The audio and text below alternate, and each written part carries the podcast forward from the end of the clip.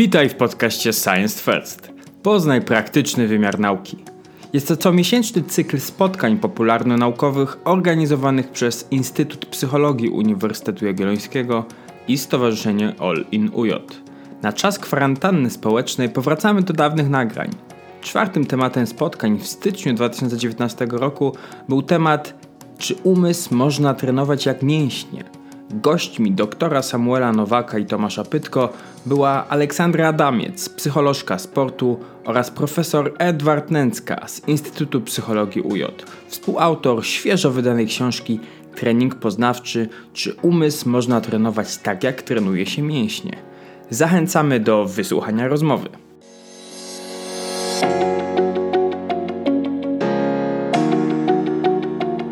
Witamy na czwartym spotkaniu Science First. Y, będę chyba tak się musiał trochę na chwilkę też przechylać, bo sala półokrągła. Czwarte spotkanie od początku roku razem z Instytutem Psychologii, który jest reprezentowany przez doktora Samuela Nowaka, e, staramy się popularyzować Science First, poznaj praktyczny wymiar nauki. E, czwarte spotkanie, dla którego punktem wyjścia jest publikacja pana profesora e, Edwarda Nęcka, Trening poznawczy, publikacja stoi przede mną. Zachęcamy do zapoznania się z tą książką. Ja nie jestem psychologiem, a już jestem po lekturze i powiem szczerze, że poradziłem sobie, więc myślę, że większość z nas sobie poradzi. Y, mamy też książki do wygrania dzisiaj i również inne y, suweniry od Instytutu Psychologii, więc zachęcamy do aktywności.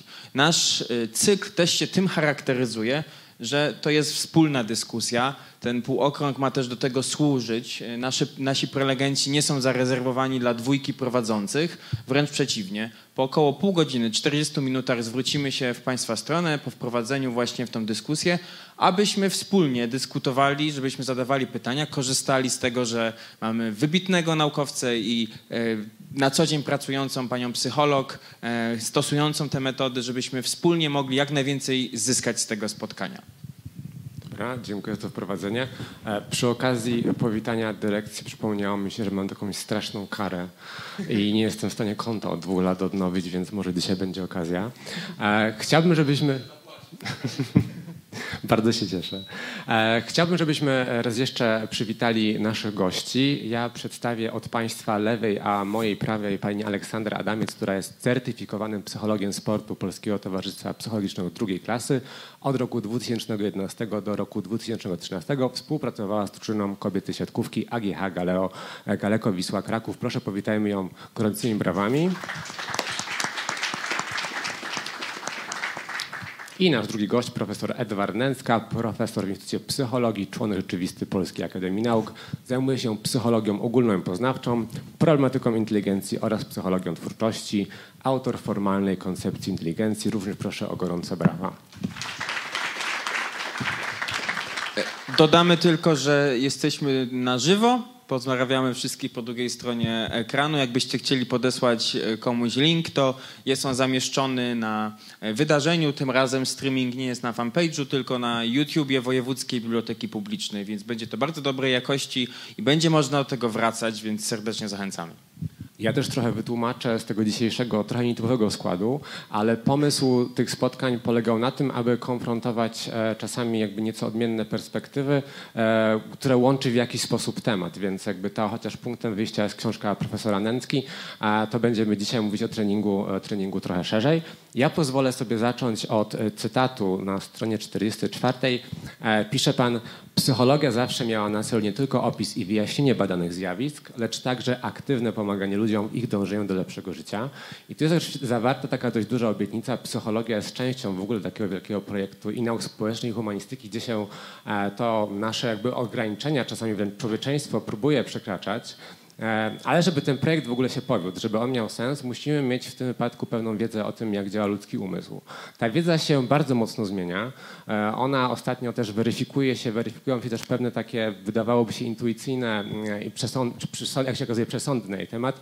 Co się w tej wiedzy zmieniło e, i czy był jakiś taki pewien moment, który rzeczywiście umożliwił nam wprowadzenie czegoś takiego jak trening poznawczy, o którym za chwilę powiemy więcej? Zmienia się bez przerwy wszystko w nauce, zwłaszcza takiej nauce eksperymentalnej, jaką jest psychologia dzisiaj. No, jeśli chodzi o moje, moje badania czy moją dziedzinę, na przykład kolosalnie zmieniła się wiedza i poglądy nauki na temat pamięci. Jak funkcjonuje, z czego się składa, że, że jest bardzo zróżnicowana, że, że może być właśnie trenowana, rozwijana, ale nie każda jednakowo.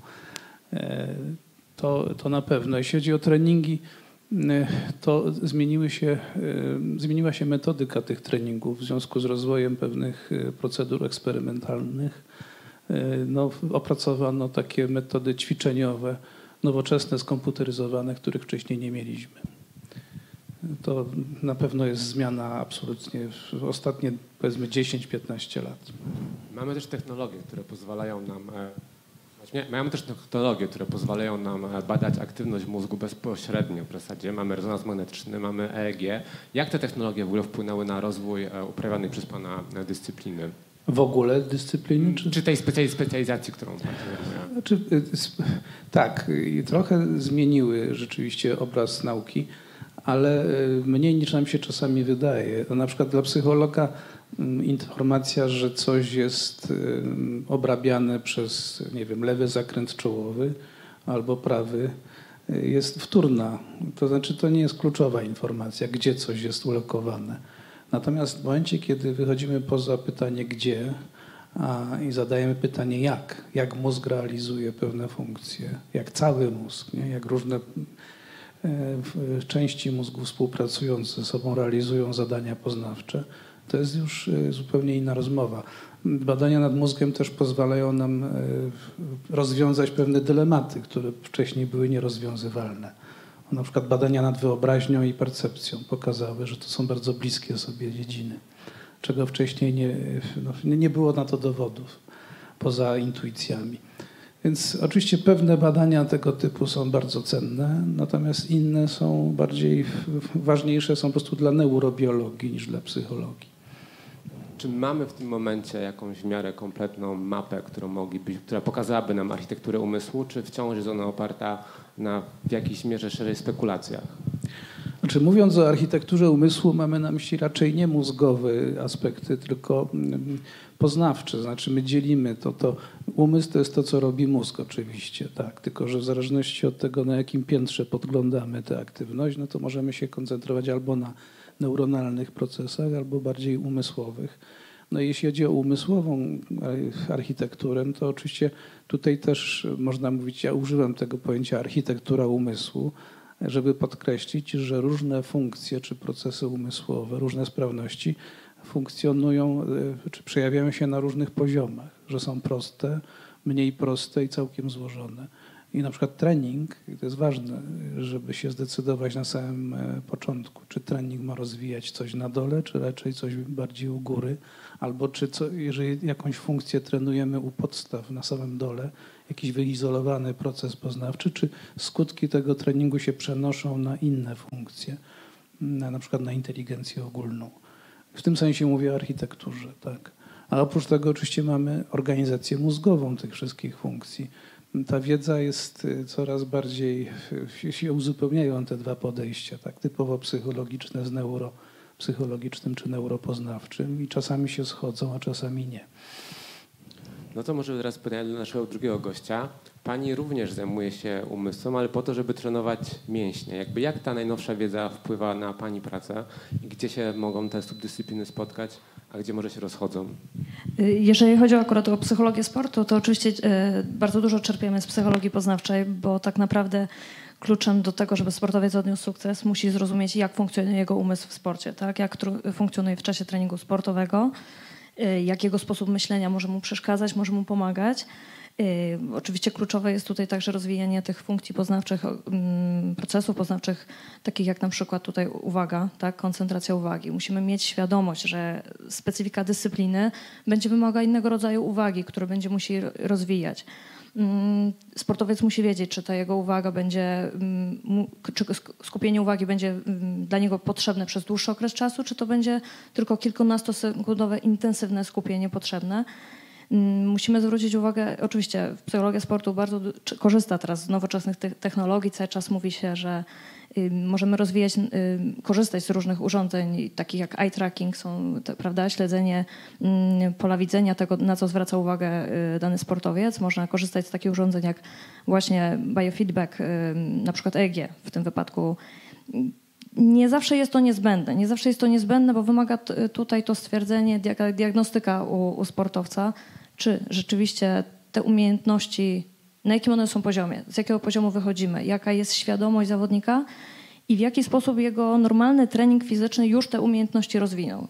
Bo tutaj, no, nie ukrywajmy, każda czynność, którą wykonujemy, ona rozwija nasze zdolności poznawcze. Czasami rzeczywiście w sporcie, kiedy wymagania są coraz większe, no musimy ten poziom podnosić. Ja tu jeszcze dopytam, bo wydaje mi się, że jednak psychologia sportu to jest nadal bardzo młoda specjalizacja. I dopytam właśnie może trochę tak historycznie, y, bo, bo no, jak sobie wyobrażamy sukcesy wiem, polskie kadry piłkarzy w latach 70., to tam wejście psychologii do szatni skończyłoby się pewnie dla obu stron tragicznie.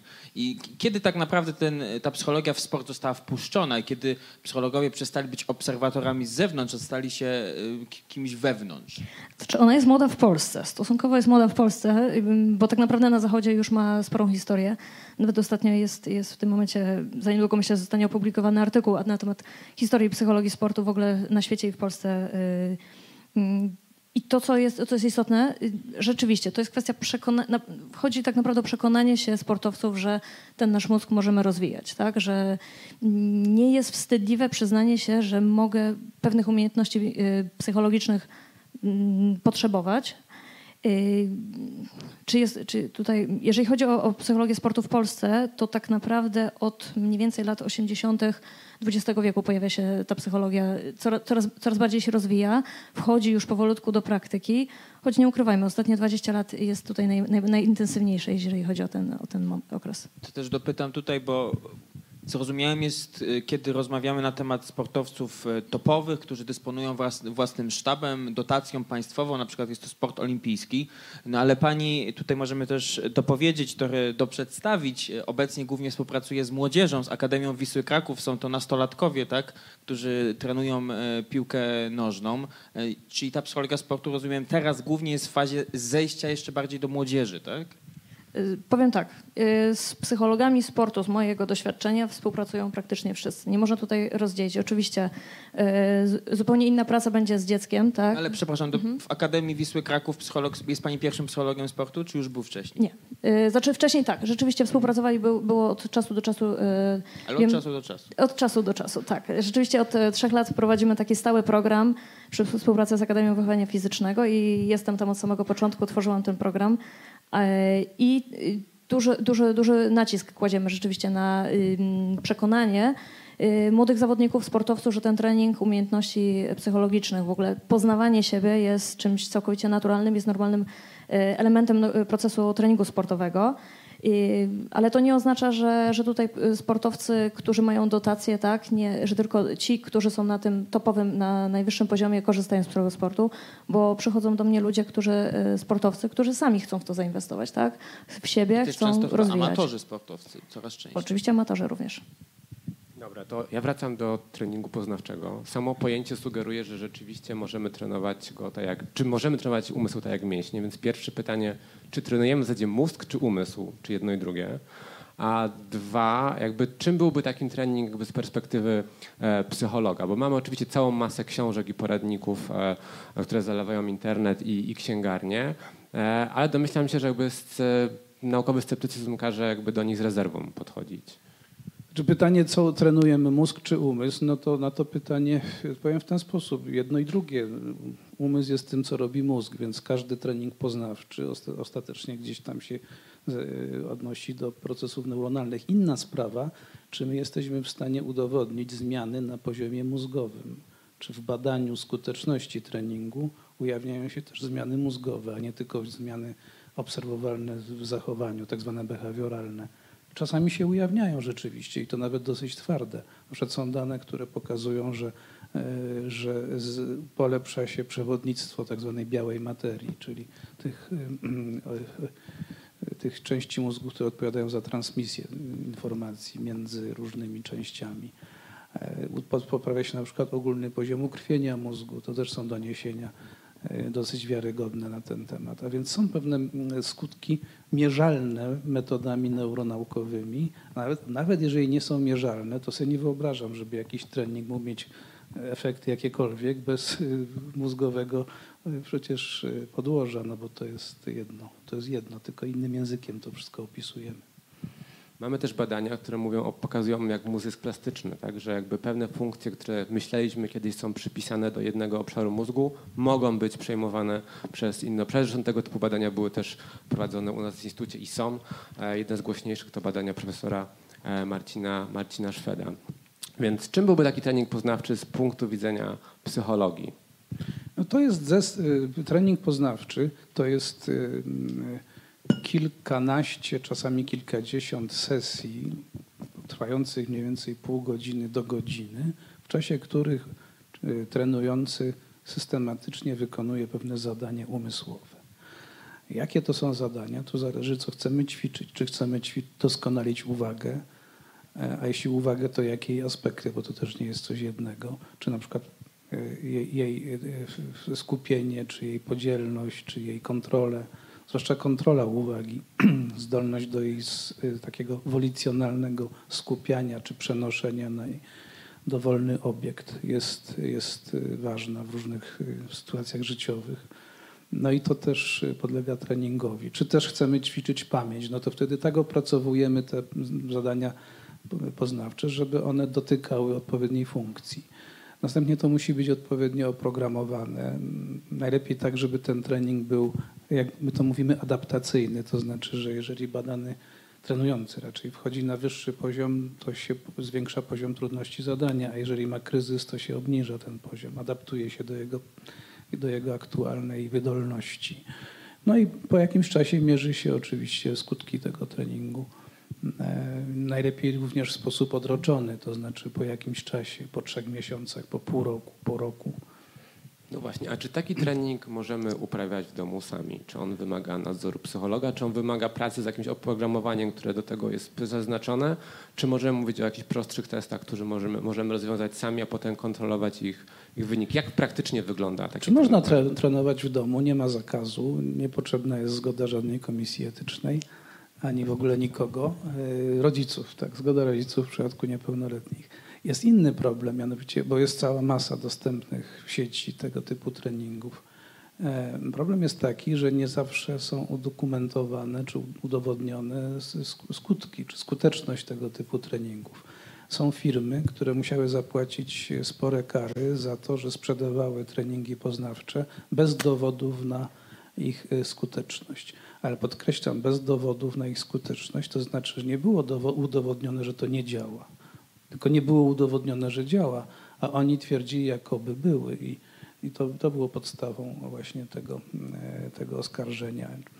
E, więc jeżeli się bierze takie coś z sieci, prawda, do, płaci się za to lub nie, to jest inna sprawa, no to człowiek bierze odpowiedzialność i ponosi jakieś ryzyko, że może może wybrać coś, co się nie sprawdzi w jego przypadku.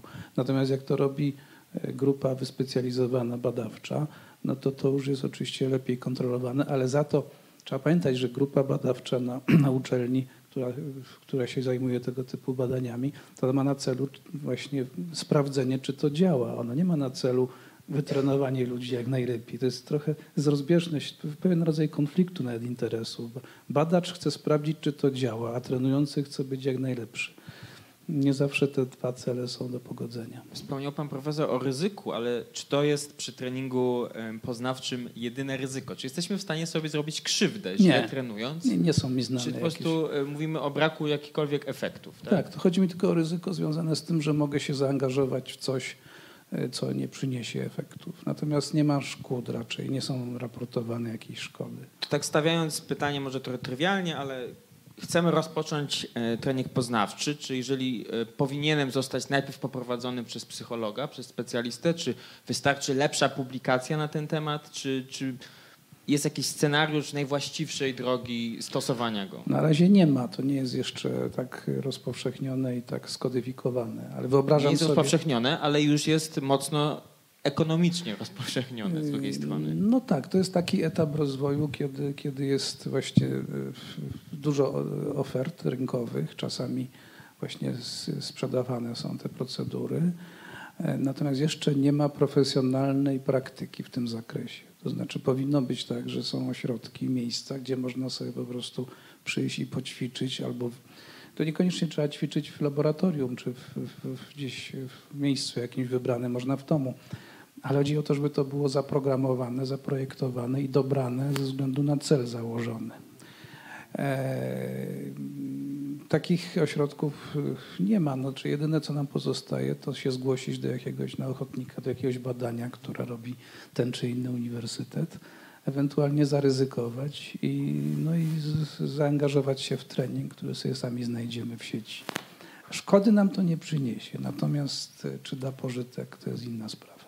To ja jeszcze dopytam, zanim oddam Pani głos, bo zastanawiam się, jakby te treningi, o których pisze Pan, badania, o których pisze Pan w książce, te treningi jednak mają dość abstrakcyjny charakter.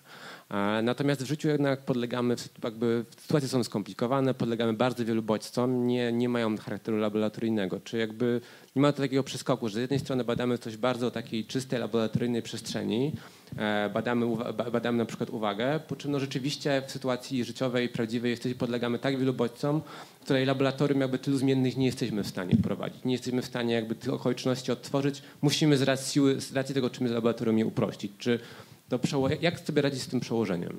Znaczy, na szczęście funkcje poznawcze, które się trenuje teraz, y, o, o czym ja piszę w tej książce, a piszę, to tak, taka dygresja, piszę nie o jednym, czy dwóch, czy trzech badaniach, tylko piszę o wielu, o kilkudziesięciu metaanalizach, z których każda obejmuje kilkadziesiąt badań. To jest olbrzymia już w tej chwili, olbrzymia e, masa danych, która pozwala coś e, stwierdzić.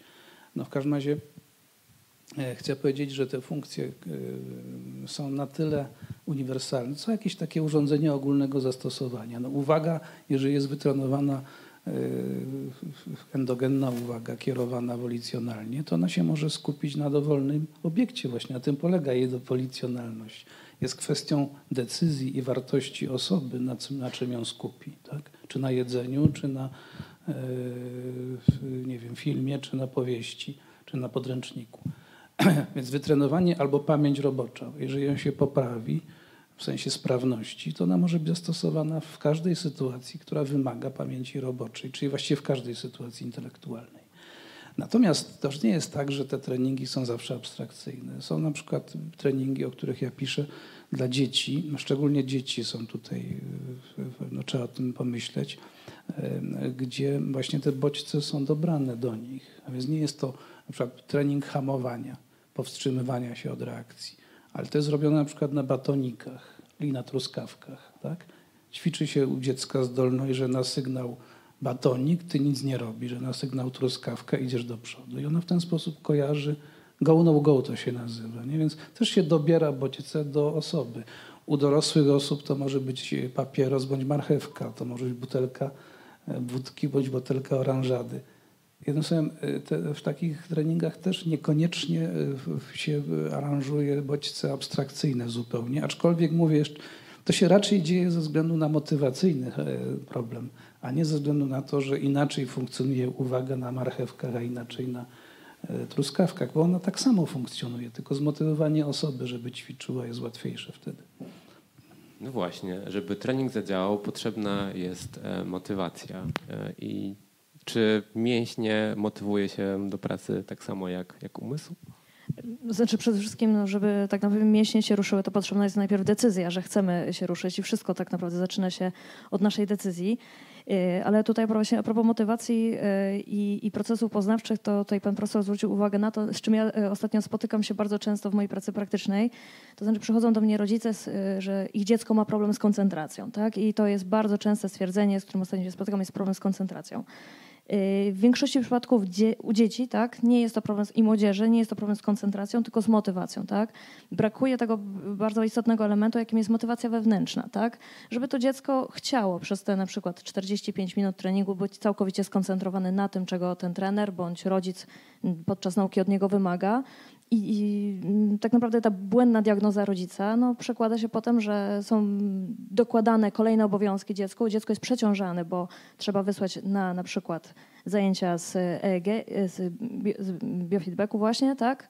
Y, kolejny trening poznawczy, a wszystko wynika, zaczyna się w tym, że to dziecko nie ma po prostu motywacji, nie ma chęci, żeby skoncentrować swoją uwagę na tym, y, od czego to się, to się wszystko zaczyna. No, w treningu sportowym jest dokładnie to samo. Bardzo często spotykam się z tym, że no, zawodnik y, jest skoncentrowany przez 50% swojego czasu na zadaniach, które ma wykonać, na, na czynnościach, na dokładności wykonania tych zadań sportowych. Dlaczego? Bo nie ma takiej chęci, bo nie ma takiej chęci, a motywacja zewnętrzna, która na przykład płynie z polecenia trenera, no, w pewnym momencie już przestaje wystarczać. Ja powiem, że w treningach poznawczych problem motywacyjny jest po, po, poważny bardzo. Dlaczego? Dlatego, że e, zadania, które wykonuje e, uczestnik takiego treningu są zazwyczaj koszmarnie nudne. Tempe, nudne, a jednocześnie trudne. Czyli połączenie nudy z trudnością to jest koszmar. Bo coś może być nudne, ale łatwe. No. Ale jeżeli coś jest i trudne, i nudne, to właściwie... To najłatwiej to odstawić. E, tak, to znaczy bardzo trudno ludzi, ludzi nam, namówić, żeby trenowali. No my im płacimy na przykład realne pieniądze. E, ale nie takie znowu duże. Innym, Instytut stale poszukuje. Innym nie płacimy, tylko motywujemy jakoś inaczej. No dzieciom nie wolno płacić w ogóle ze względów etycznych, więc dzieci trzeba inaczej jeszcze motywować. Ale to jest bardzo poważny problem, dlatego że ja niewiele wiem o treningu sportowym, ale wydaje mi się, że w przypadku treningu sportowego jest jeszcze jedna dziedzina podobna, mianowicie e, trening e, muzyczny, tak? Edukacja muzyczna, też wymagająca wysiłku, samozaparcia, czasu. Otóż w tych dwóch e, dziedzinach, sporcie i w muzyce, są naturalne nagrody płynące z postępów, z wykonywania czynności, z nauczania się czegoś. Można to mierzyć, e, można sprawdzić, ile się więcej przebiegło i tak dalej. Poza tym z ciała płyną sygnały wzmacniające. Organizm daje sygnały, że to mu dobrze, dobrze robi. No w muzyce to w ogóle. Poza tym są wzmacniające, jeżeli ktoś, nie wiem, taką by wybrał drogę życiową, no to, to kariera muzyka czy profesjonalnego sportowca to też jest coś wprawdzie bardzo odległego, ale coś, co motywuje. W przypadku treningów poznawczych nic takiego nie ma. To, to jak, jak w związku z tym wybrnąć z tej zagadki, to jest jeden z podstawowych problemów metodologii treningu poznawczego. Jak to z, z, zmienić, jak to zrobić w sposób bardziej, że tak powiem, no, interesujący dla ludzi. Pani Aleksandro, bo współpracowała Pani z siatkarkami, z piłkarzami, z kajakarzami, e, z sztuki walki i pewnie można by jeszcze wymieniać. I zastanawiam się, czy różni się forma treningu, jaką Pani dobiera dla, dla zawodników i sposób pracy. Czy to dla sportu jest jedno uogólnienie, czy raczej, raczej mówimy o, o, o bardzo różniących się treningach. Mm, zdecydowanie bardzo różniące się treningi. Rozpoczynając pracę z każdą dyscypliną sportu, trzeba najpierw zrobić taką diagnostykę. Jakie jest wymaganie, jeżeli chodzi o te umiejętności psychologiczne, jeżeli chodzi o tą konkretną dyscyplinę. Inaczej będzie się pracowało ze skoczkiem narciarskim, gdzie jego skupienie uwagi musi być przez dosłownie te 15 sekund, kiedy on wykonuje skok, a inaczej z piłkarzem, kiedy wymaganie jest takie, żeby on przez 90 minut był skoncentrowany i tak rozłożył swoje, swoją, swoją, swoje umiejętności, y, no i energię tak naprawdę na, na te 90 minut. Inaczej będzie się pracować także z bramkarzem już w ramach tej, tej, y, tej jednej dyscypliny. Mm, I tutaj co było powiedziane? Przede wszystkim w każdym treningu, który ja zaczynam ze, ze swoim zawodnikiem, w każdej pracy, określamy sobie cel co chcemy poprawić, co chcemy zmienić, y, jakie są potrzeby tego zawodnika. Czasami on nie wie, czasami jest to, y, przechodzi z czymś konkretnym, jest bardzo świadomy, wie, jakie są jego trudności, że na przykład traci. Tak, traci koncentrację, y, uwagi na tych elementach, że jest na boisku, że wyłącza się, tak to możemy potocznie powiedzieć. Czasami musimy to dopiero stwierdzić. Wykorzystuję do tego różnego rodzaju gry, ale też nigdy nie jest tak, że jeden rodzaj gry, mam, o, korzystamy z rozwijającej gry, każdemu zawodnikowi będę mogła ją przedstawić, bo każda ma inny cel, każda ma inne założenie, rozwinie inne umiejętności, prawda? Nie będę trenowała y, czasu reakcji pracując z szachistą. No więc to już było są, oczywiste. Są, są, też takie szybsze szachy, chyba 90-sekundowe czy coś. E, ale mm, dopytam, bo okej, okay, zawodnik musi chcieć, to jest podstawowa kwestia, e, no ale jeżeli wie, co chce poprawić, to to już zupełnie ułatwiona, jakby ułatwiona. No, gdzieś ta droga jest y, szybsza. No ale psycholog jest w profesjonalnym klubie, gdzie każdy zawodnik jakby musi być pod tą na przykład opieką. E, to jak tutaj ta diagnostyka z tej strony przebiega, żeby tak naprawdę znaleźć mu ten cel? E, znaczy nigdy nie musi. Tak? To jest pierwsza podstawowa rzecz pracy z psychologiem.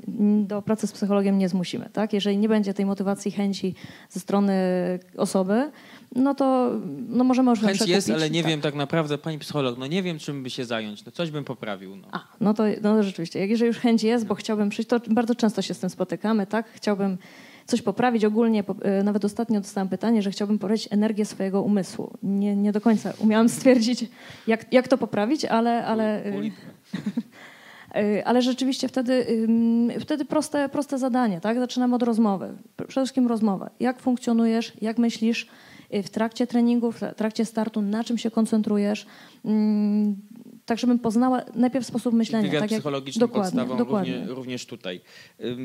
Zastanawiam się również, czy y, mimo chęci y, u zawodników, y, którzy są gdzieś sfokusowani na jakiś cel, sukces, wspólnie z psychologiem sobie go e, wyznaczyli, czy możemy powiedzieć, bo wspominał pan profesor, że no, trudno nam mówić o efektach, czy, czy ciężko je czasem zauważać, czy w sporcie łatwiej jest to zauważyć, czy, czy częściej na przykład zawodnicy wtedy mówią po jakimś czasie o efektach, o sukcesach i zwracają, że tak powiem, pozytywny feedback?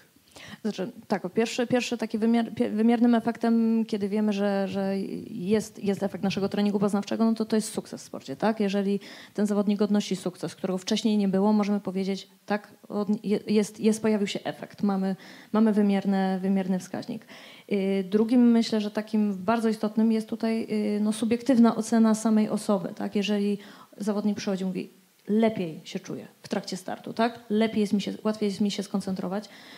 Nie zwracam uwagi już na takie bodźce rozpraszające, które wcześniej, na dystraktory, które się pojawiały y, wcześniej. Y, no to jest to jego, jego ocena taka subiektywna, tak?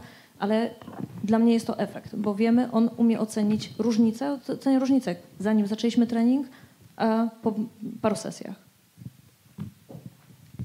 A jak, co mogłoby być na końcu takiego udanego treningu poznawczego? Wydaje mi się, myślę na przykład o sobie.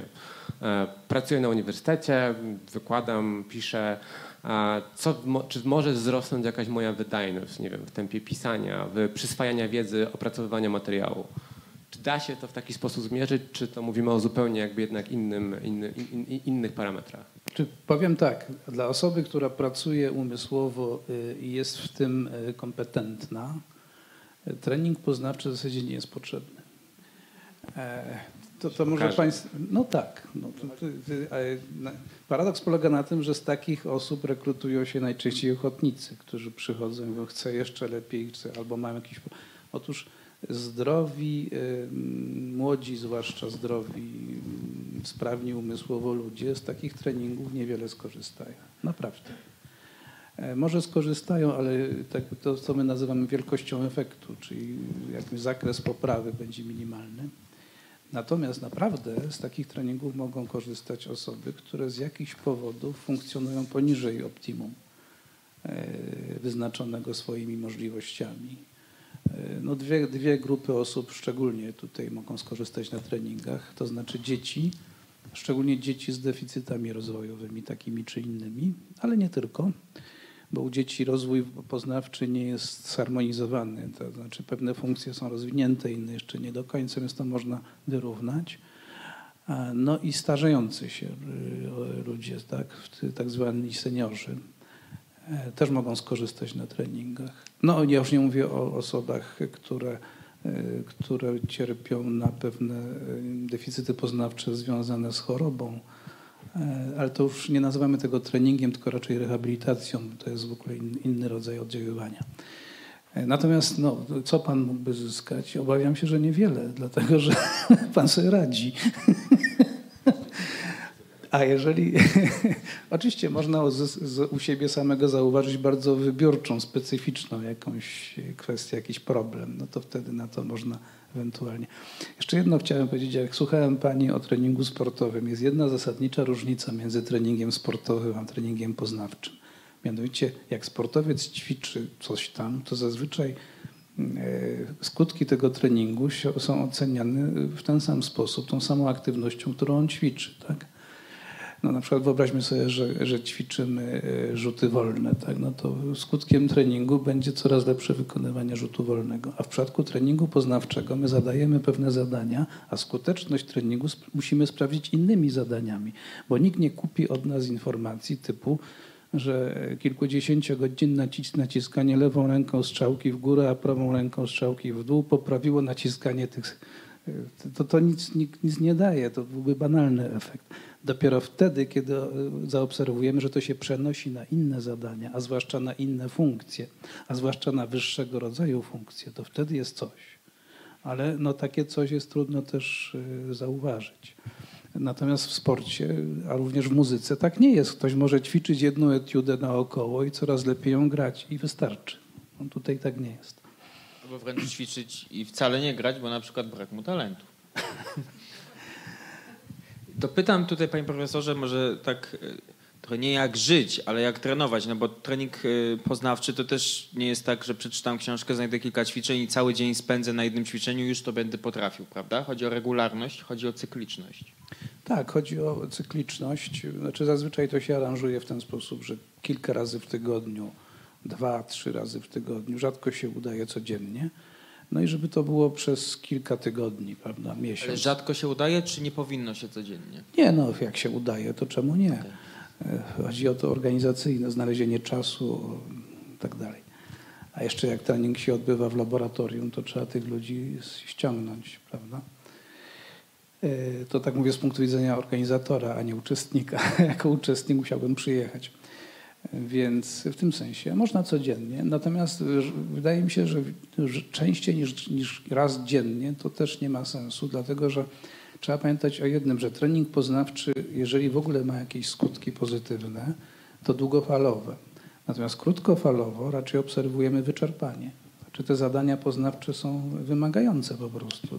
One się każą skupić, funkcjonować na najwyższych obrotach możliwych w danym momencie. To po godzinie takiego treningu e, funkcjonujemy gorzej niż w punkcie wyjścia. Na szczęście systematyczność sprawia, że to jest taki efekt schodkowy. Tak? No, gorzej krótkotrwa, krótkoterminowo, ale coraz lepiej długoterminowo i te schodki nas prowadzą w górę raczej. Więc e, dłużej niż jedna sesja dziennie to nie ma sensu. Myślę, że dobrnęliśmy do połowy spotkania. Teraz oddajemy Państwu głos. Dla pierwszych trzech osób mamy gadżety, dla pierwszej osoby książkę. Trzeba było dwóch... nie mówić.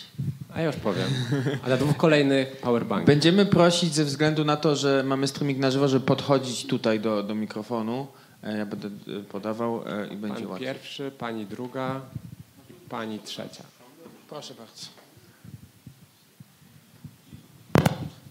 Dzień dobry, kłaniam się. E, taką tajemnicą Poliszynela jest, że w sporcie zawodowy, zawodowi sportowcy zawsze się, trening to jedno, ale zawsze się dopingują. E, no i właśnie pytanie brzmi, mm, co jeśli jest się zawodowym intelektualistą? Pan profesor już rozwiał wątpliwości, że żaden trening poznawczy tutaj nie pomoże. Wraz z rozwojem coraz bardziej zaawansowanych technik farmakologicznych Mm, popularność tak zwanych leków y, notropowych y, tak światowo wzrasta. Mm, jak, jak to mm, będzie się rozwijać? Ale kto miałby odpowiedzieć? Bo ja się na lekach nie znam. Natomiast mogę powiedzieć, że rzeczywiście... Doping, doping y, farmakologiczny. no tym bardziej się nie znam.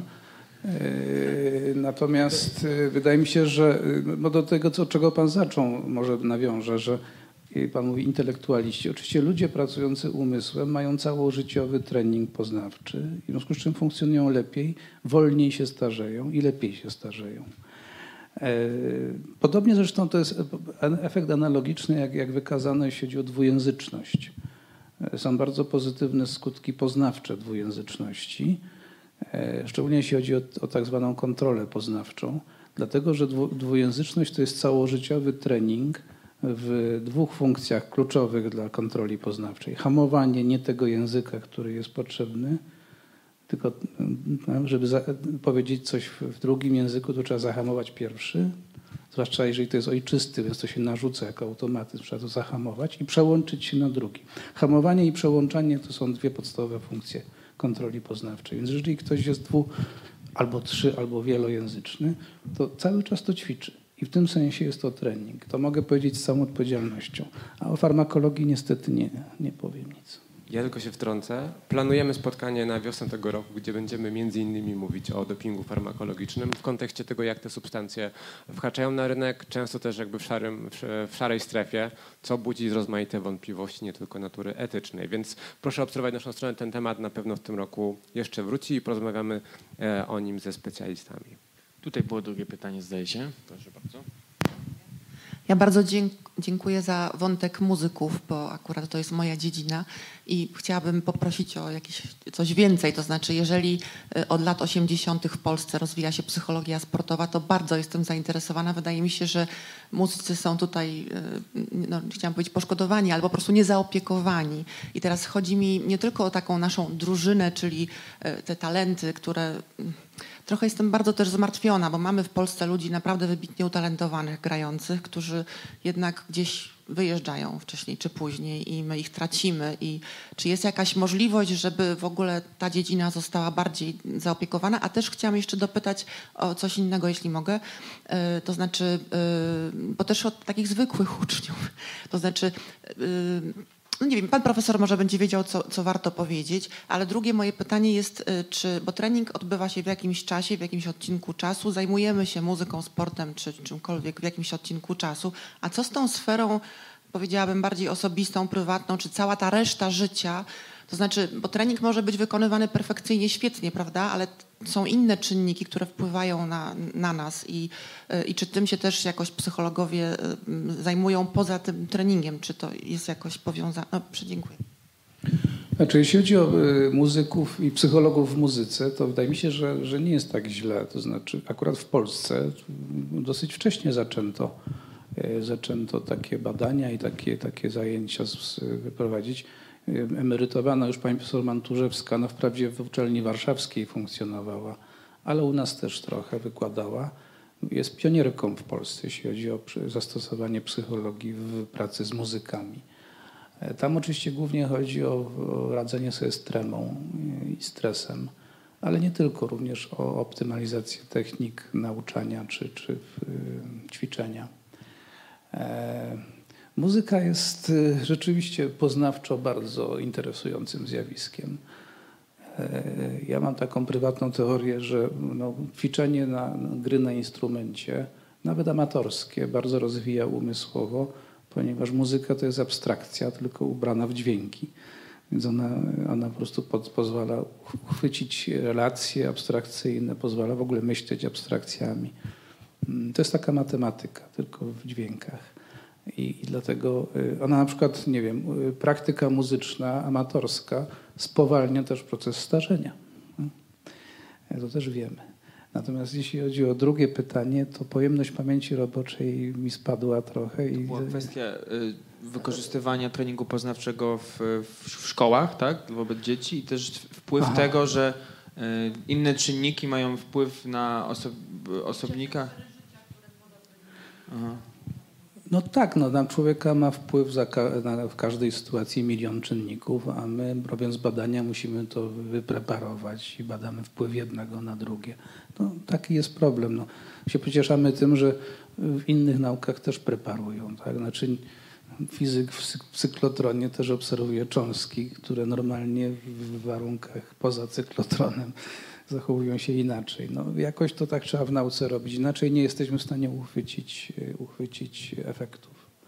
Kontynuując wątek muzyczny, tylko dodam, że dyrektor Instytutu Psychologii gra na klarnecie, więc jakby jest tutaj związek między ścieżką zawodową, akademicką, a e, wyćwiczoną umiejętnością e, grania na instrumencie. Ja tylko też dodam, że z kolei znam ja tylko dwóch psychologów, e, e, którzy pisali prace magisterskie o psychologii w muzyce, z kolei Instytutu Psychologii Stosowanej, więc i w Krakowie ten ośrodek jest dość mocno rozwinięty, więc tak nie bójmy się o tych naszych muzyków, ale na pewno jest to kwestia do zagospodarowania. Kto był tym trzecim? Samuel? Bo tu są, y, tylko że pani jest przede wszystkim tak, psychologiem. Tak, ja akurat... Mhm. Znaczy ja akurat pracowałam z muzykami, zdarzyło mi się rzeczywiście tak. Ja wiem, że jest taki psycholog kilka ulic stąd, zresztą ulica Kramerowska, Michałowskiego i, i na przykład stricte specjalizujący się w muzykach. Nie chcę podać nazwiska, nie znam, nie chcę reklamować, ale wiem, że na przykład są stricte specjalizujący się. Więc myślę, że przyjać wujek Google i znajdziemy pewnie kilku takich, którzy wpisali sobie to w swoją domenę. Znaczy musimy pamiętać o jednym, że tak naprawdę wykonanie, bo mówimy o wykonaniu, tak? Psycholog sportu przekonuje do pewnego wykonania, jakiejś czynności na wysokim poziomie. Ale sam nie harata w gałę, ale tylko jeżeli chodzi. Tak, ale jeżeli chodzi o, to, o muzykę czy sport, to tutaj nie będzie wielkich różnic, tak? bo tylko będziemy zastanawiać się, co, jaką czynność ta osoba ma wykonać na tym wysokim poziomie. E, zdarzyło mi się rzeczywiście pracować z muzykami i rzeczywiście taką największą trudnością, która się pojawiała, to ta trema, trema y, stres y, przed wykonaniem, z którym musieliśmy się mierzyć, czy też motywacja, tak? motywacja do tego, żeby te treningi monotonne, to, to o czym już też pan profesor mówił, wykonywać dzień w dzień, powtarzalność, powtarzalność, powtarzalność, cały czas. I to rzeczywiście tutaj, pamiętasz, to, dru to drugie pytanie, co w sferze życiowej. Mm, jeżeli chodzi o trening poznawczy, to ja obserwuję jedną rzecz, że chcemy czasami zrobić tak wiele, że wręcz sobie szkodzimy. I bardzo często ja przekonuję osoby, z którymi pracuję, do tego, żeby więcej odpoczywały.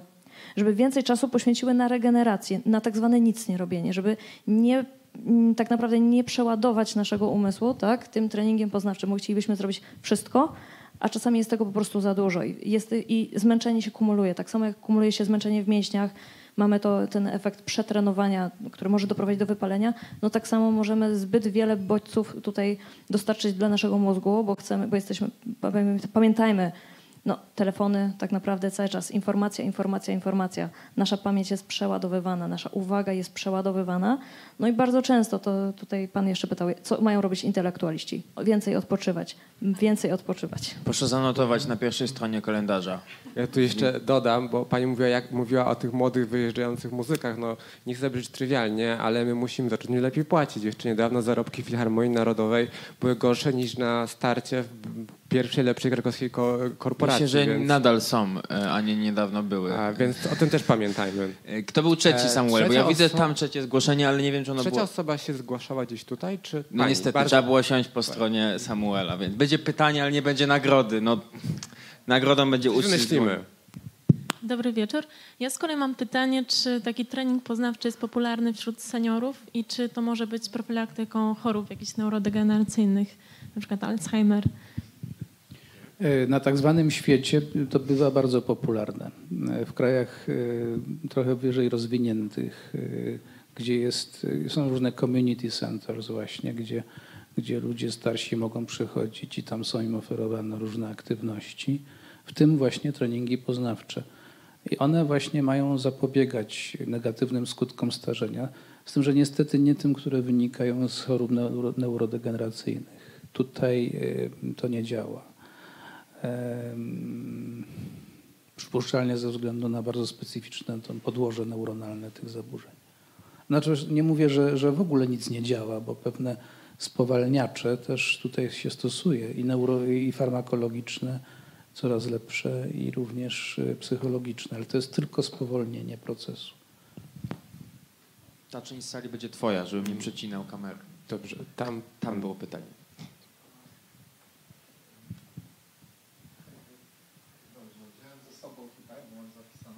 Proszę uprzejmie.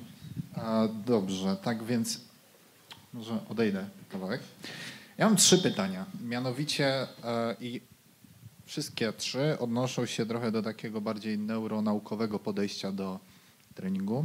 I pierwsze to jest, e, na co w zasadzie z punktu właśnie neurobiologii wpływa ten trening? Czy to jest mielinizacja, czy zwiększenie ilości połączeń, e, czy też rozgałęzień aksonalno-dendrytycznych, e, czy, czy, coś, czy, czy to jest coś, coś jeszcze, czy może któreś z tych jest bardziej?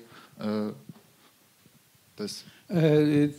Wspomniałem o tej mielinizacji, ale nie w sensie, prawda, że, że się osłonki mielinowe rozrastają albo stają się lepsze. Tego nie wiemy, natomiast rzeczywiście przewodnictwo jest skuteczniejsze z jakichś powodów dzięki treningowi w tej, w tej białej materii. To są badania całkiem niedawne, zresztą polskie, w Warszawie przeprowadzone, gdzie wykazano, że, że trening poznawczy y, przejawia się między innymi w tym, że przewodnictwo jest y, lepsze. Natomiast typowy wynik neuronalny treningu poznawczego jest taki, że po pierwsze zwiększa się aktywność tych obszarów mózgu, które bezpośrednio biorą udział w zadaniu, a po drugie zmniejsza się aktywność tych obszarów mózgu, które nie biorą udziału w zadaniu i są niepotrzebne. Inaczej mówiąc, na początku człowiek angażuje cały mózg niepotrzebnie, męczy się przez to bardzo szybko, a w miarę treningu no, angażuje tylko to, co niezbędne, a za to bardziej. Tak? Zresztą to jest, myślę, że analogiczne zjawisko występuje w przypadku sprawności fizycznej. Jak nie umiemy rąbać drewnem, e, siekierą drewna, to, to się zmęczymy strasznie. A jak umiemy to robić, to wyrąbiemy i się nie zmęczymy, dlatego że angażujemy tylko te mięśnie, które są niezbędne. To jest taki efekt oszczędności neuronalnej, dosyć typowy, jeśli chodzi o skutki treningu. Czy to się tłumaczy właśnie tą mielinizacją? Nie, nie, to jest co innego. To jest po prostu lepsza organizacja, lepsza, że tak powiem, jak to się mówi, alokacja zasobów.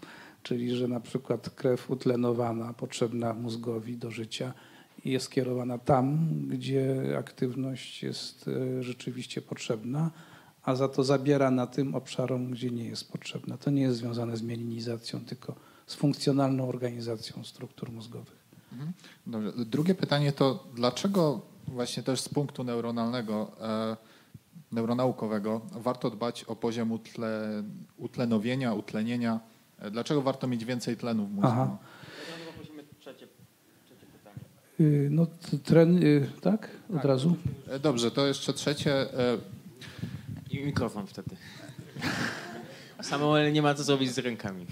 Okej, okay, sorry. E, właśnie trzecie pytanie.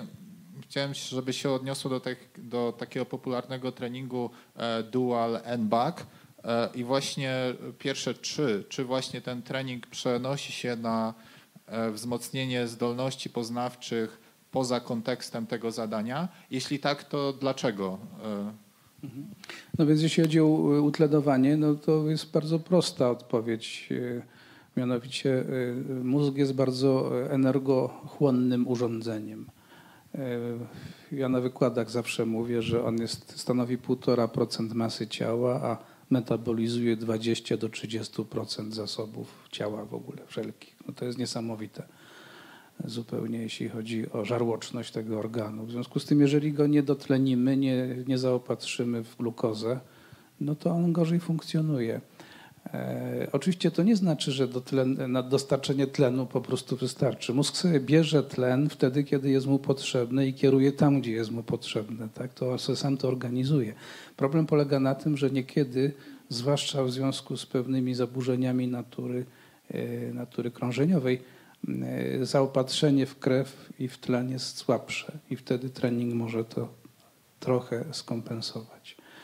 E, no właśnie, neurolodzy mówią, że e, właściwie mózg mógłby funkcjonować sprawnie nie do 80, nie do 90 roku życia, tylko jeszcze, jeszcze dłużej. Kresem jego możliwości jest pompka, czyli serce. Problemy krążeniowe są zazwyczaj przyczyną tego, że gorzej myślimy, gorzej funkcjonuje nasza pamięć czy uwaga, a nie mózgowe. Oczywiście są też mózgowe zaburzenia czy, czy choroby. Natomiast chodzi o trzecie pytanie, podwójne N wstecz, dual N back, tak się nazywa to zadanie, to, to jest związane z takim e, klasycznym już w tej chwili artykułem, chociaż nie wiem, czy można mówić o klasyce, która ma 11 lat, w psychologii eksperymentalnej może w 2008 roku grupa pod kierunkiem Susan Jegi w Szwajcarii opublikowała takie badanie, gdzie torturowali ludzi tym zadaniem podwójne N wstecz i wykazali, że to się przekłada na wzrost poziomu inteligencji. Problem polega na tym, że, e, że potem wielu grupom badawczym nie udało się tego powtórzyć. I rzeczywiście, jeżeli chodzi o młodych, zdrowych ludzi, e, zdrowych, bo tacy byli w tym eksperymencie, byli studenci, to podniesienie poziomu inteligencji takim zadaniem, jak też każdym innym, w sensie jest niesłychanie trudne. Mało komu się udaje. Im się udało, co jest podłożem pewnych podejrzeń, krytyki, czasami bardzo takich nie, nie, niemiłych ataków, że być może coś w tym badaniu było, no nie wiem, sfałszowane albo podrasowane. Ale replikowało się w końcu, czy nie? Niektórym się replikuje, innym nie. W większości się nie replikuje. Czyli może sprecyzuję to pytanie? Że poprzez trening poznawczy możemy zwiększyć swoją inteligencję. Inteligencję, tak, tak. No bo jeżeli trenujemy pamięć roboczą, bo to jest zadanie, może ja powiem na czym ono polega. Co to jest podwójne N wstecz? W ogóle N wstecz to jest zadanie, które polega na tym, że pokazujemy człowiekowi y, ciąg jakiś, na przykład liczb czy figur y, i on ma powiedzieć, czy to, co teraz widzi, pokazało mu się wcześniej na przykład dwa elementy wstecz albo trzy elementy wstecz. No to jest dosyć trudne, no bo to y, jak teraz coś widzę, za chwilę widzę coś innego, więc coś, co jest, było dwa elementy wstecz, za chwilę będzie trzy elementy wstecz, potem cztery elementy wstecz, a ja muszę się koncentrować i pamiętać, że dwa wstecz na przykład mnie interesuje, bo jak zauważę, że to było powtórzone za wcześnie albo za późno, to popełniam błąd. To jest bardzo trudne zadanie. Oni zrobili to dodatkowo podwójne, to znaczy e, oczami człowiek miał e, sprawdzać, czy się bodziec wizualny powtórzył, a uszami, czy słuchowy. Koszmar to jest po prostu. Państwo sobie mogą ściągnąć z sieci Dual and Back, zobaczcie, to, to jest dostępne, jaki to jest koszmar. Mm, więc, ale właśnie specjalnie tak zrobiono, żeby to było trudne zadanie na granicach wydolności, ponieważ, tak, tak, ponieważ na granicach wydolności, ponieważ założono, że w ten sposób się poprawi ta, ta inteligencja. No i teraz, jeżeli my trenujemy ludzi takim zadaniem lub takimi zadaniami podobnymi, to oczywiście możemy oczekiwać po pierwsze w 100%, że wykonanie tego konkretnego zadania się polepszy, ale to nas nie interesuje. Po drugie, możemy oczekiwać, że inne zadanie tego typu, ale na innych bodźcach się poprawi, co już jest czymś, ale też nas nie interesuje aż tak bardzo. Po trzecie, możemy oczekiwać, że jakieś zupełnie inne, na innej zasadzie zbudowane zadanie mierzące wydolność pamięci się E, tutaj poprawi wykonanie, to jest już ryzyko. Może się poprawić, może nie. A po czwarte, sprawdzamy, czy to podnosi ogólny poziom inteligencji człowieka. I to już jest, i to już jest niesłychanie trudno do osiągnięcia. U dzieci się udaje czasami, u dorosłych niesłychanie rzadko. Zapraszamy do kolejnego pytania. Tutaj widzimy. Jedno czy trzy? Dwa. Okej. Okay. Dobry wieczór. E, ja mam dwa pytania tutaj do pani psycholog. E, pierwsze, mm, wspominała pani o tym, że e, współpracuje pani z Akademią Wisły Kraków i tutaj też wspominała pani o tym, że największy problem jest tą koncentracją. I tu moje pierwsze pytanie, właśnie z jakimi jeszcze problemami, dysfunkcjami u młodzieży spotyka się pani podczas tej współpracy, czy generalnie w trakcie, w trakcie swojej kariery zawodowej? Chodzi mi o takie dwa, trzy aspekty. I drugie moje pytanie to skierowane e, do Pani. E, w jakim stopniu przez trening mentalny e, jest Pani w stanie inaczej, jak, jak dużo zależy od charakteru danego sportowca, od jego predyspozycji, a na jak, w jakim sposób Pani może tym treningiem poprawić właśnie te jego dysfunkcje? Znaczy ja bym unikała może słowa dysfunkcja, tak? Bo, bo tutaj y, jeżeli mówimy o treningu, to chcemy rozwijać pewne umiejętności, tak? Bardziej w sporcie mówimy o mamy, że zawodnik ma, czy osoba ma po prostu pewne rezerwy, które chcemy rozwijać, jeśli o umiejętności poznawcze chodzi.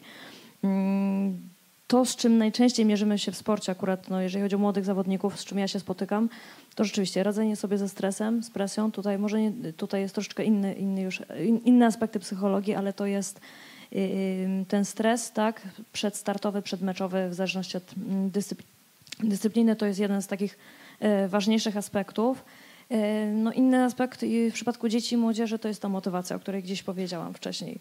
E, bardzo często to jest, jakby tutaj możemy rozróżnić, ta motywacja wewnętrzna, której szukamy u tego młodego zawodnika, to żeby on sam jednak chciał, E, tak prostymi słowami to ujmując, e, chodzić na te treningi, angażować się w nie, e, koncentrować swoją uwagę na tym, co jest od niego wymagane i tak naprawdę, żeby poprawiał swoje umiejętności, żeby nie było tej motywacji związanej z tym, że to ktoś inny chce bardziej ode mnie, tak? Czy jestem do tego przymuszany, czy wypada, czy żeby nie, już nie osiągać jakichś no, negatywnych tak naprawdę wzmocnień niezadowolenia rodziców, przykładowo, czy braku akceptacji ze strony środowiska, no, uczestniczę w tych treningach, chociaż nie mam na to ochoty. Więc e, to są takie, takie główne aspekty, jeżeli chodzi o sport dzieci i młodzieży. Tak. No, koncentracja uwagi, czy to jest największy problem, zaczyna się od motywacji. Bardzo często koncentracja na właściwych elementach. Tak? Dzieci nie mają gdzieś tej y, często świadomości, na czym mam się skoncentrować. Wynik ma ogromne znaczenie w sporcie. No, uprawiamy sport po to, żeby osiągać bardzo często jak najlepsze wyniki, y, sport profesjonalny. Mm, no więc jeżeli koncentrujemy się na tym wyniku, y, często tracimy ten najważniejszy element, czyli skoncentrowanie się na zadaniu, które mam wcześniej do wykonania, zanim osiągnę ten, ten właściwy wynik. A jeżeli chodzi o Pana drugie pytanie, to... Jeszcze tutaj dopytam, bo może być y, koncentracja, może być mobilizacja, no ale jeszcze jest skuteczność wykonywania, tak? Czy przy, przy, poprzez trening możemy dojść do skuteczności, do dobrego wykonywania na przykład, bo można być po prostu słabszym zawodnikiem i czy ten trening może nam pomóc z tym, że ta koncentracja przełoży się na, nie wiem, odpowiednie ułożenie stopy w momencie strzału? E, tak, to ma znaczenie, ale tutaj w, niestety w sporcie mamy to, że nie mówimy tylko i wyłącznie, że trening mentalny załatwi wszystko. E, ten aspekt talentu jest niesamowicie ważny. Predyspozycje fizjologiczne, tak, motoryka. E, jest tak wiele, jest wiele, wiele aspektów, na które musimy zwrócić uwagę. No niestety, sukces w sporcie to są cztery składowe, tak? Odpowiednie umiejętności taktyczne, techniczne, motoryczne, no i mentalne. Dopiero kiedy całość ze sobą współgra, jest szansa, że ten sukces odniesiemy, ale gwarancja? Nigdy. No, niestety to jest rywalizacja. Tutaj mamy osoby, które te predyspozycje mogą mieć po prostu lepsze. Lepiej, będą lepiej wytrenowane, będą w którymś aspekcie po prostu lepsze. Genetyka. Oczywiście. Jeszcze pozwolę sobie dopytać do tego pierwszego pytania, które, które pan zadał, e, bo współpracuje pani z młodzieżą, która no, nie każdy z nich zostanie profesjonalnym sportowcem. Nadal wielu z nich, mam nadzieję, może to realizować jako pasję, a nie, że rodzice mówią, że na pewno to będziesz musiał realizować w przyszłości, albo że oni wiedzą, że chcą z tego zrezygnować za dwa lata. E, czy jest w stanie w swojej pracy, czy zauważa na przykład bardzo silne jednostki dość szybko? Czy wśród młodzieży te różnice aktywnie trenującej, bo to nie jest tak, że przychodzimy na pierwszy trening, tylko oni są jednak w akademii lepszego klubu, jednej z najlepszych y, w regionie, gdzie wiem, że żeby się dostać już trzeba mieć na przykład jakiś poziom sportowy. Y, I czy wtedy jest zauważalna różnica w, w, tym zasobie mentalnym, o którym Pani wspominała? Y, tak, zdecydowanie są widoczne, tylko też jeszcze jeden aspekt, rozwój. Tak? Czyli zawodnik, który może mm, być wybitny tak? na wieku lat 10, niekoniecznie musi się tak samo prezentować dobrze już w wieku lat 12, ponieważ jego rówieśnicy cały czas się rozwijają. Oni także są bodźcowani, oni cały czas y, rozwijają się poprzez trening, poprzez y, no, szkołę, tak, każdy, każdą czynność, którą w życiu wykonują. Y, więc jest to bardzo, jest to bardzo, cały czas to jest to zmienne. Tak? Zawodnicy, którzy można powiedzieć, że mają pewne predyspozycje do dyscypliny, często właśnie tracą w wieku lat 15-16 chęć uczestnictwa w tym treningu, rezygnują na rzecz innych aktywności, wybierają coś innego. Mm. To jest chęć, ale też no, w sporcie chyba to najczęściej widzieliśmy i nieraz to były przypadki nie wiem, medialne, gdzie reprezentant Polski, kadr młodzieżowych czy z innego kraju nie wiem, w pewnym momencie po przejściu do zagranicznego klubu ląduje w rezerwach, popada w problemy, tak? Zastanawiam się, czy wtedy mówimy o szybkim rozwoju na przykład tych dwóch aspektów motoryki, aspektów sportowych, a braków mentalnych, czy może, czy to czasem jest kwestia może, że za szybkich pewnych zmian zachodzących, właśnie nierównomiernego treningu pomiędzy tymi, tymi aspektami. Czasami to jest aspekt społeczny, tak? Środowisko, do, gdzie jeżeli rzeczywiście trafię na środowisko, jestem osobą podatną na wpływy tego A miała środowiska. Pani może do czynienia z takimi przypadkami? Tak, rzeczywiście. Są, są, są różne przypadki, tak, jednostki, które rzeczywiście, na które środowisko miało ogromny wpływ. No i tutaj nie do końca jakby byliśmy, byliśmy w stanie nawet naszym, naszą pracą coś zmienić, bo, bo ten wpływ społeczny rówieśników miał dużo większe znaczenie dla, dla tej osoby. Mm, ale są osoby, można powiedzieć, które już na, na tym poziomie w wieku lat 15-16, tak naprawdę praca z psychologiem to jest tylko i wyłącznie taki szlif. Tak? Y, rozwijają się świetnie i, i, bardzo często wielu sportowców z tym psychologiem sportu nigdy nie musi współpracować. Tak? Y, są zawodnicy, którzy osiągają poziom y, topowy, jeżeli chodzi o sport i nigdy z psychologiem nie pracowali. Tak? Mówię tutaj na przykład o Robercie Korzeniowskim. Tak? Wspaniały polski sportowiec, nigdy z psychologiem nie pracował. Więc to, są, to jest ogromna... Z współczesnych sportowców, bo pan Robert już kilka lat nie chodzi jednak. Adam Małysz. Adam Małysz. Adam Małysz przecież Pracował miał blecharza tak? Y, i, i, żał, ożał profe, i pana doktora Profesor Żołędziem, tak. tak. Więc pracował. No to o to mi chodziło, że przykład. Że A ja, kto nie pracował? Nie pracował. Bo e, Robert Korzeniowski nie pracował, więc pytam ze współczesnych i Małysz też już nie jest współczesny niestety. Pytanie, czy pracował, czy nie, nie pracował? Nie, pytam o tych, co nie pra- tak, Sukces nie pracując, że wiemy, że on mówi... Proszę? Bez psychologa, tak, tak. Powiem tak, no nie że jest... powie śmiało w wywiadzie, że nie potrzebuję psychologów, nigdy z nich nie korzystałem. Czy to jednak już jest norma standardowa? Czy to jest norma? Y, powiem tak, ciężko mi jest w tym momencie przywołać osobę, która rzeczywiście powiedziała, ja nigdy psychologa nie potrzebowałem, i, i, i, bo mm, nie, nie będę tutaj mówić o, o zawodnikach, którzy się do tego nie przyznają, tak? A pracowali na przykład ze mną, tak? Ja sama pracowałam z zawodnikami, którzy nigdy się do tego, nigdy na poziomie topowym, nigdy nie przyznaliby się do tego, że pracują z psychologiem. To może powiedzmy w drugą stronę, na gali mistrzów sportu w tym roku padły, z reguły słyszymy podziękowania dla rodziców, żony, trenerów, a w tym roku na przykład Adam Kszczot, który chyba zajął piąte miejsce, na pewno był w top 10, podziękował bezpośrednio e, profesorowi Blecharzowi. Ale oddajemy, przepraszam, drugie pytanie było. Mogę tylko jedną rzecz, bo a propos tej pracy bez psychologa też pamiętajmy, że jakby wielkim osiągnięciem nauki jest to, że uczy nas jakby sięgania po wsparcie i pomoc. Tak? By to wpajane nam czasem, że możemy wszystko zrobić samym przekonanie, no no jest fałszywe. Po co iść pod wiatr, skoro można iść z wiatrem i to jest wydaje mi się też jakby wielkie osiągnięcie psychologii współczesnej, że pokazuje nam, kiedy po to wsparcie i tą pomoc możemy, możemy sięgać, więc tak też nie, nie, nie nobilizujmy tak samo, że trzeba samemu, tak? skoro można skoro można razem i można łatwiej i wtedy też można prawdopodobnie efektywniej. Znaczy myślę, że specyfika jest taka. Y, z niektórymi zawodnikami spotykam się na jednej, dwóch sesjach, tak? I dostaję od nich informacje, wszystko jest ok, tak? Jestem zadowolony, osiągnęliśmy ten cel, który chcieliśmy osiągnąć i no i ciężko tutaj mówić o treningu poznawczym, bo jest to może bardziej wsparcie y, w innych aspektach. A są zawodnicy, z którymi współpracuję już od dłuższego czasu, w różnych, w róż, z różną częstotliwością. Czas, pojawiają się nowe wyzwania, czy to w sporcie, czy i w życiu prywatnym i, i rzeczywiście ta praca jest, jest gdzieś niezbędna. Mm, to, co było akurat ważne, kiedyś powiedziane, akurat powiedział to ostatnio Paweł Habrat, nie, psycholog nie może od siebie uzależnić zawodnika. To jest, to jest, bardzo, ważny, to jest bardzo ważny aspekt. Tak? Ta samodzielność jest ważna. To, co, na co my zwracamy w, w, uwagę szczególną w pracy z młodzieżą, to jest samoświadomość. To, co mówiłam też na początku. Mam być świadomy, jak myślę, w jaki sposób funkcjonuje, jak funkcjonuje moje ciało jako sportowca, bo to jest akurat ważne, jak funkcjonuje mój umysł, tak? co może mi pomagać, co może mi przeszkadzać. Bo bardzo często szukamy tych pozytywów. Tak? Zwróć uwagę na to, co tobie pomaga, a niekoniecznie szukaj zaraz problemów, co, co musisz poprawiać, bo często ignorujemy nasze, nasze pozytywne y, strony, nawet w tych kwestiach poznawczych. No, jestem świetny w tej, w tej koncentracji, ale mam, muszę znaleźć jakiś problem. Koniecznie muszę znaleźć jakiś problem. E, tak, pamiętam drugie pytanie.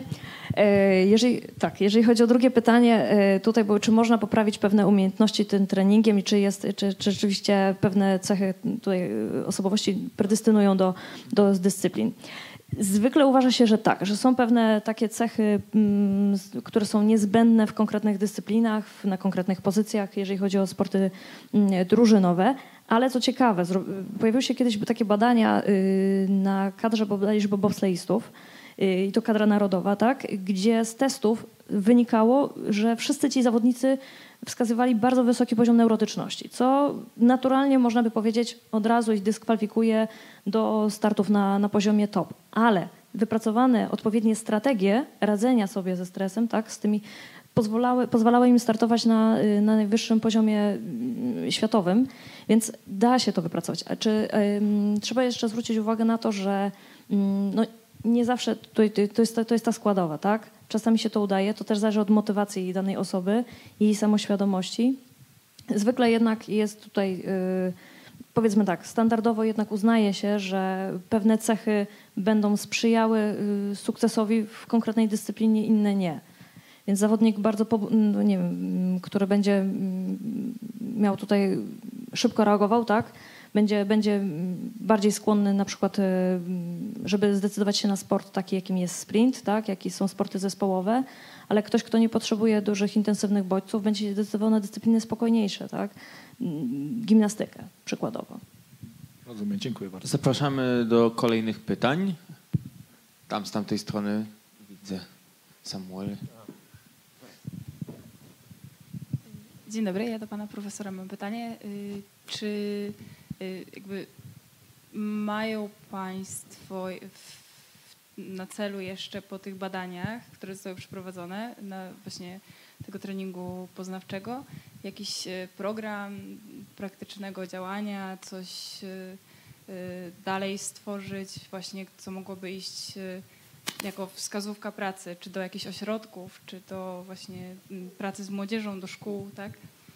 To ja też tu dopytam, to czym tak naprawdę się zajmował Instytut i grant, który realizował pan profesor, tak ogólnie, żebyśmy wszyscy byli wprowadzeni w to, co już zostało wykonane w Instytucie Psychologii w tym zakresie? Znaczy zadaniem instytucji naukowej nie jest organizowanie praktycznych oddziaływań tego typu, tylko badanie, badania właśnie. No, myśmy zbadali y, co nieco. Przeprowadziliśmy taki projekt badawczy właśnie, trzy eksperymenty. Mm, I tyle, no to jest zamknięte, tak? Y, gdybym myślał o tym, żeby z tym wyjść do szkół albo gdzieś E, w ogóle do, do, ludzi tak wyjść, no to musiałbym chyba zmienić i zawód, i instytucję zatrudniającą mnie, a wtedy znaleźć też kogoś, kto by mnie zatrudnił, sfinansował te przedsięwzięcia. I tak, tak to powinno wyglądać. Znaczy transfer wiedzy naukowej powinien polegać na tym, że my już wiemy, jakie treningi działają, jeśli działają, a jakie nie działają. Ta wiedza jest już dosyć obszerna i moglibyśmy e, współuczestniczyć w projektowaniu praktycznych oddziaływań, no ale nie naszym zadaniem jest ich prowadzenie. Czy zainteresowani są potencjalni uczestnicy, przynajmniej na początku, dopóki się nie przekonają, na czym to polega. Bardzo zainteresowani są rodzice, którzy chcą swoim dzieciom jeszcze jeden trening y, zaaplikować. instytucja to, to nie, no, ja nie spotkałem się. Instytucja to złe słowo. Y, czy Widzę tam kolejne pytanie za, za koleżanką. To jakbym, kto tam się zgłaszał? Przepraszam, słabe okulary najwidoczniej. Yy, czy ktoś jeszcze? Oczywiście, proszę. Ja mam tutaj jeszcze pytanie do pana profesora. Yy, chodzi mi o, no, było to tutaj poruszane, tylko yy, chciałbym zapytać, czy będzie możliwość w krótkim czasie, czy doczekamy się metod testów, narzędzi, w którym będziemy w stanie realnie efekty tego treningu poznawczego y, w jakikolwiek sposób zmierzyć, tak? Bo trening sam w sobie y, wywołuje jakiś skutek, tak? Negatywny lub pozytywny. I teraz w momencie, w którym my będziemy w stanie ten trening poznawczy kontrolować, no to ja uważam, że to jest podstawa tego, tak? I czy my jesteśmy w stanie takich narzędzi, metod w niedługim czasie e, według wiedzy profesora się doczekać. Tylko zupełnie, że już powiedzieliśmy, że negatywnych skutków nie mamy. Znaczy może być brak pozytywnych. E, co wziąwszy pod uwagę nakład czasu i wysiłku może być uważane jako negatywne. Natomiast jeśli chodzi o narzędzia, no to one już są. Przecież te narzędzia już są. Niektóre z nich mają 100 lat. No, psychologia jednak nie jest może staruszką, tak jak filozofia, ale swoje lata ma. Najstarsze testy inteligencji mają ponad 100 lat. Testy wydolności pamięci mają kilkadziesiąt lat. Oczywiście te nowocześniejsze, czulsze narzędzia, e, cały czas ich potrzebujemy, bo pomiar w psychologii to jest poważny problem. Stabilność tego pomiaru czułość pomiaru to jest y, zadanie oczywiście, więc coraz lepsze narzędzia się tworzy, ale one są. Więc tu nie ma jakościowej zmiany, czekania aż coś. Gdyby nie było tych narzędzi pomiarowych, to w ogóle nie byłoby mowy o, no jak można by było mierzyć efektywność. Oczywiście jeszcze jedna rzecz jest właściwie, czy takie coś, co taka możliwość, która powinna być rozwinięta w, w najbliższym czasie w większym stopniu, to jest pomiar bezpośrednich skutków neuronalnych właśnie. Na razie to też jest robione, są narzędzia, ale drogie, trudno dostępne i też nie, niezbyt czułe. Zapraszamy jeszcze do zadawania pytań. Tutaj z przodu, tutaj moja strona. Tutaj nie proszę nie przechodzić przez kamerę, żeby wszystko było estetycznie. Dziękuję. Ja przepraszam, bo może ja nieuważnie słuchałam i nie dosłyszałam, ale w zasadzie zastanawiam się, dla kogo kierowana, do kogo kierowana jest ta książka w takim razie, bo rozumiem, że to pytanie, które jest na okładce jest właściwie retoryczne, to znaczy wiadomo, że, że można trenować prawda, umysł, natomiast właściwie jeżeli tak, dla ludzi myślących, którzy coś intelektualnie jakoś jeszcze, ten, to, to, to nie za bardzo, bo w sumie im niewiele da, no dzieci wątpię, żeby to czytały, ci, którzy są chorzy. To jest jedno pytanie o tą książkę konkretnie, a drugie pytanie, jeśli mogę, bo pan profesor wspomniał o dzieciach z deficytami, to znaczy ja trochę nie, nie do końca czuję, o jakie deficyty chodzi, czy takie emocjonalne, czy, czy, czy na przykład co, co tu można, co może to dać dzieciom, młodzieży? Dziękuję. No, książka jest naukową książką, więc ona jest kierowana do badaczy e, przede wszystkim, ale również do praktyków, którzy chcieliby e, projektować treningi i, robić to w sposób, no, jak to się mówi, evidence-based, tak? znaczy w oparciu o, o dane, rzetelne dane, e, a nie no, w oparciu o pewne fantazje, czy, czy mm, właśnie, bo tak często jest. To nie jest poradnik, jak trenować. Na pewno nie będzie cytowany w Twoim stylu, ale jest zrozumiały, jeżeli się nie jest psychologiem, tylko no nie w pełni, jeżeli chodzi o zakres badań. Mówię ja jako osoba. Myślę, że no starałem się pisać tak, żeby inteligentny laik y, zrozumiał. A, to, a te rzeczy, które są bardzo techniczne już i, i, wymagają specjalistycznej wiedzy, są w ramkach, są trochę oddzielone, więc y, no tak starałem się, żeby to. To jest książka naukowa kierowana do Konsumentem ma być badacz, student, doktorant. To jest wynik badań, tak? Ale również praktyk, ale nie w tam, że, że, tam, że tam znajdzie przepis na trening, tylko że tam znajdzie wiedzę, czego unikać, a, a w którym kierunku iść, na co zwrócić uwagę, jaki jest stan wiedzy, prawda? O to mi chodziło.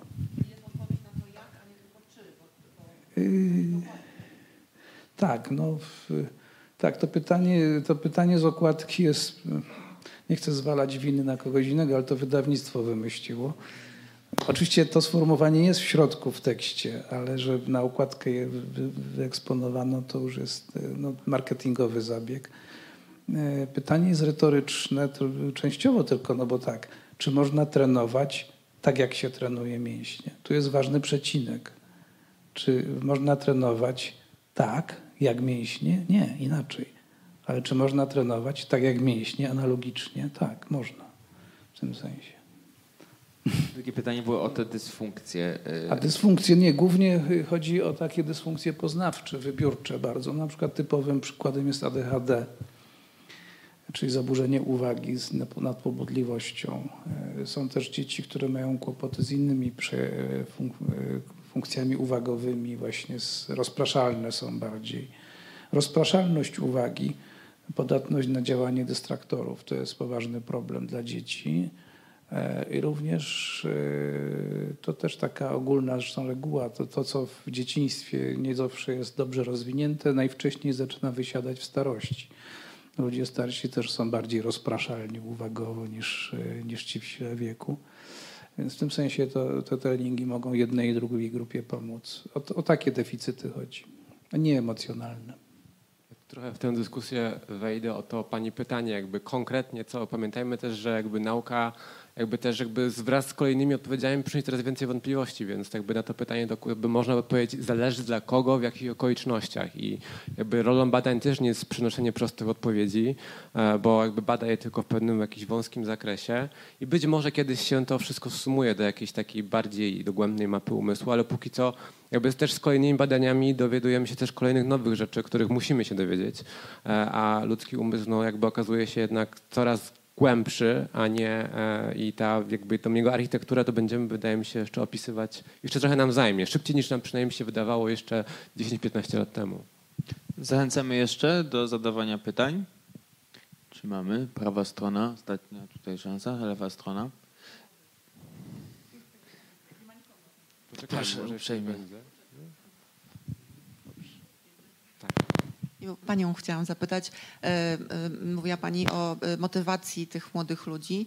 Znaczy chciałam trochę podpytać, jak Pani, jeżeli można coś, może Pani coś rozwinąć na temat tej motywacji, na temat poszukiwań motywacji, a drugie to chciałam zapytać, czy wytrwałość jest też tutaj jakoś trenowana, to znaczy też mi się wydaje, że to może być problem, prawda? Dziękuję. Y, znaczy źródło motywacji to tak naprawdę no, pytanie, co chcemy osiągnąć, tak? Y, dlaczego w ogóle podejmujemy jakąś aktywność? To jest pierwsze, pierwsze pytanie. Czy chcemy się samodoskonalić? Czy chcemy osiągnąć jakiś konkretny wynik, odnieść sukces, który będzie mm, w społeczeństwie uznawany za, za właśnie y, za jakieś osiągnięcie? Więc tutaj pytanie, dlaczego w ogóle rozpoczynamy jakąś, jakieś, jakieś działanie? No jeżeli chodzi o, o tą wytrwałość, tak, utrzymanie tego motywacji, tego dążenia to jest bardzo ważne. Więc jakby tu rzeczywiście psycholog sportu często pomaga y, w tym, żeby ta motywacja się utrzymała, żeby motywy, y, tutaj motywy poboczne nie wzięły, y, nie, nie zaczęły decydować, tak, żeby ta osoba wytrwała w dążeniu. Metody, tak, ustalania celów, bardzo, bardzo często takie działanie mm, jedno z takich kluczowych w pracy z psychologiem sportu, no jest bardzo istotne, tak? Monitorowanie później y, osiągnięć, y, pewnych postępów, no to tutaj w tym treningu poznawczym też będzie miało znaczenie, tak? Monotonia to jest niestety pierwsza podstawa zasada treningu. Monotonia, systematyczność, regularność i tego, tego nie unikniemy, no więc monitorowanie postępów jest tym takim aspektem, jeżeli chodzi o utrzymywanie motywacji y, bardzo ważne. Stawianie sobie, stawianie sobie małych celów, czy to w przypadku sportowców, muzyków, czy każdej innej aktywności, którą podejmujemy, będzie, będzie bardzo ważne, no, po to, żeby osiągnąć ten cel y, ostateczny. Czy to będzie poprawienie właśnie naszej koncentracji uwagi już, y, już na, na koniec treningu poznawczego, czy to będzie osiągnięcie sukcesu jakim, w muzyce, czy w sporcie, no to to jest, to jest jakby klucz. Ale sukces, to pytanie, co dla kogo jest sukcesem, tak? Bo jeżeli rzeczywiście to jest sukces, bo chcę zająć jakieś miejsce, chcę osiągnąć jakiś wynik, który będzie społecznie uznawany za sukces, to jest jedna rzecz. Jeżeli dla mnie sukcesem będzie wyjście na scenę bez stresu i odegranie na przykład, nawiążę do muzyki, tak, żeby nie, żeby nie być tak w tym sporcie, y, i wyjście na scenę będzie moim sukcesem. Nie muszę osiągnąć, y, zająć żadnego miejsca, ale od, będę odczuwać komfort, satysfakcję z samego wyjścia, zagrania, to już to też jest sukces, tak? No pytanie, dlaczego ktoś rozpoczyna pewną pracę? Y, sukcesem może być w ogóle wytrwanie w tym, że się czegoś nauczę. Tak, że w ogóle wytrwam w tym treningu poznawczym, tak, to też może być sukces. Że jednak, y, jeżeli mamy założone kilka tygodni pracy na zadaniu, które jest nieciekawe, nudne, monotonne, i ja wytrzymam, i każdy z tych treningów zrealizuję, to już może być dla osoby sukces. Ja jeszcze panie profesorze tutaj dopytam, czy przy treningu poznawczym e, możemy powiedzieć o czymś takim, że przepracowałem pewną jednostkę, okres, regularność i to już we mnie zostaje, zostaje ta pamięć mięśniowa, czy to jednak musi być regularność powtarzania, powracania na przykład do pewnego treningu? Czyli mówię, czy jednak to jest przepracowanie pewnego czasu i to w nas zostaje? No niestety y, trzeba kontynuować i systematycznie powtarzać. W tych, w tych badaniach, a jest ich nie, relatywnie niewiele, gdzie kontroluje się trwałość efektów, na przykład po kilku miesiącach, y, no to właśnie wychodzi, że no efekt zanika niestety. E, że po trzech miesiącach czasami się jeszcze ślad utrzymuje. My mamy jedno badanie zrobione, moja doktorantka wykazała, że po roku od treningu u dzieci niektóre funkcje pamięciowe jeszcze są lepsze niż w grupie kontrolnej, ale słabsze niż, niż tuż po treningu. To, to opada. Ja, ja sobie to tłumaczę tak, no gdybym e, e, chodził na siłownię przez miesiąc, a potem zaprzestał, to może coś w tych mięśniach by zostało, ale czy na trwałe? Też musiałbym raczej kontynuować, prawda? E, więc to jest tak. Ale to nie mówimy to jeździ, o... jakby przestał jeździć, nie to jego łydki już nie będą. Ale to nie jest, chodzi o umiejętność, tylko tak, chodzi o trenowanie. Bo nauczyć się, no, zwłaszcza tak zwaną pamięć proceduralną, jeżeli zaangażujemy, a w sporcie ona jest kluczowa, jak coś zrobić, zwłaszcza motorycznie, no to ta umiejętność nam zostaje do końca życia. Ale sprawność w jej wykonywaniu to jest osobna rzecz. Wydolność, sprawność. Nasze spotkanie będzie dobierać końca, ale zanim zakończymy, po spotkaniu będę zapraszał trzy pierwsze osoby, które zabrały głos, czyli to była pani, pani, bo Oni wiedzą na pewno, że to oni. Pan. I zapraszamy te dwie osoby nagrody. z Facebooka, które wiedzą, tak, że wygrały dwie osoby z Facebooka też zapraszamy. Dodamy, że zgodnie z tym zostało powiedziane, w naszych kalendarzach na pierwszej stronie jest odpoczywać, dlatego w lutym odpoczywamy. E, nie będzie piątego spotkania Science First. Ponownie spotkamy się w nowym semestrze roku akademickiego w marcu. Bardzo dziękuję naszym gościom, współprowadzącemu i Państwu i widzimy się za dwa miesiące.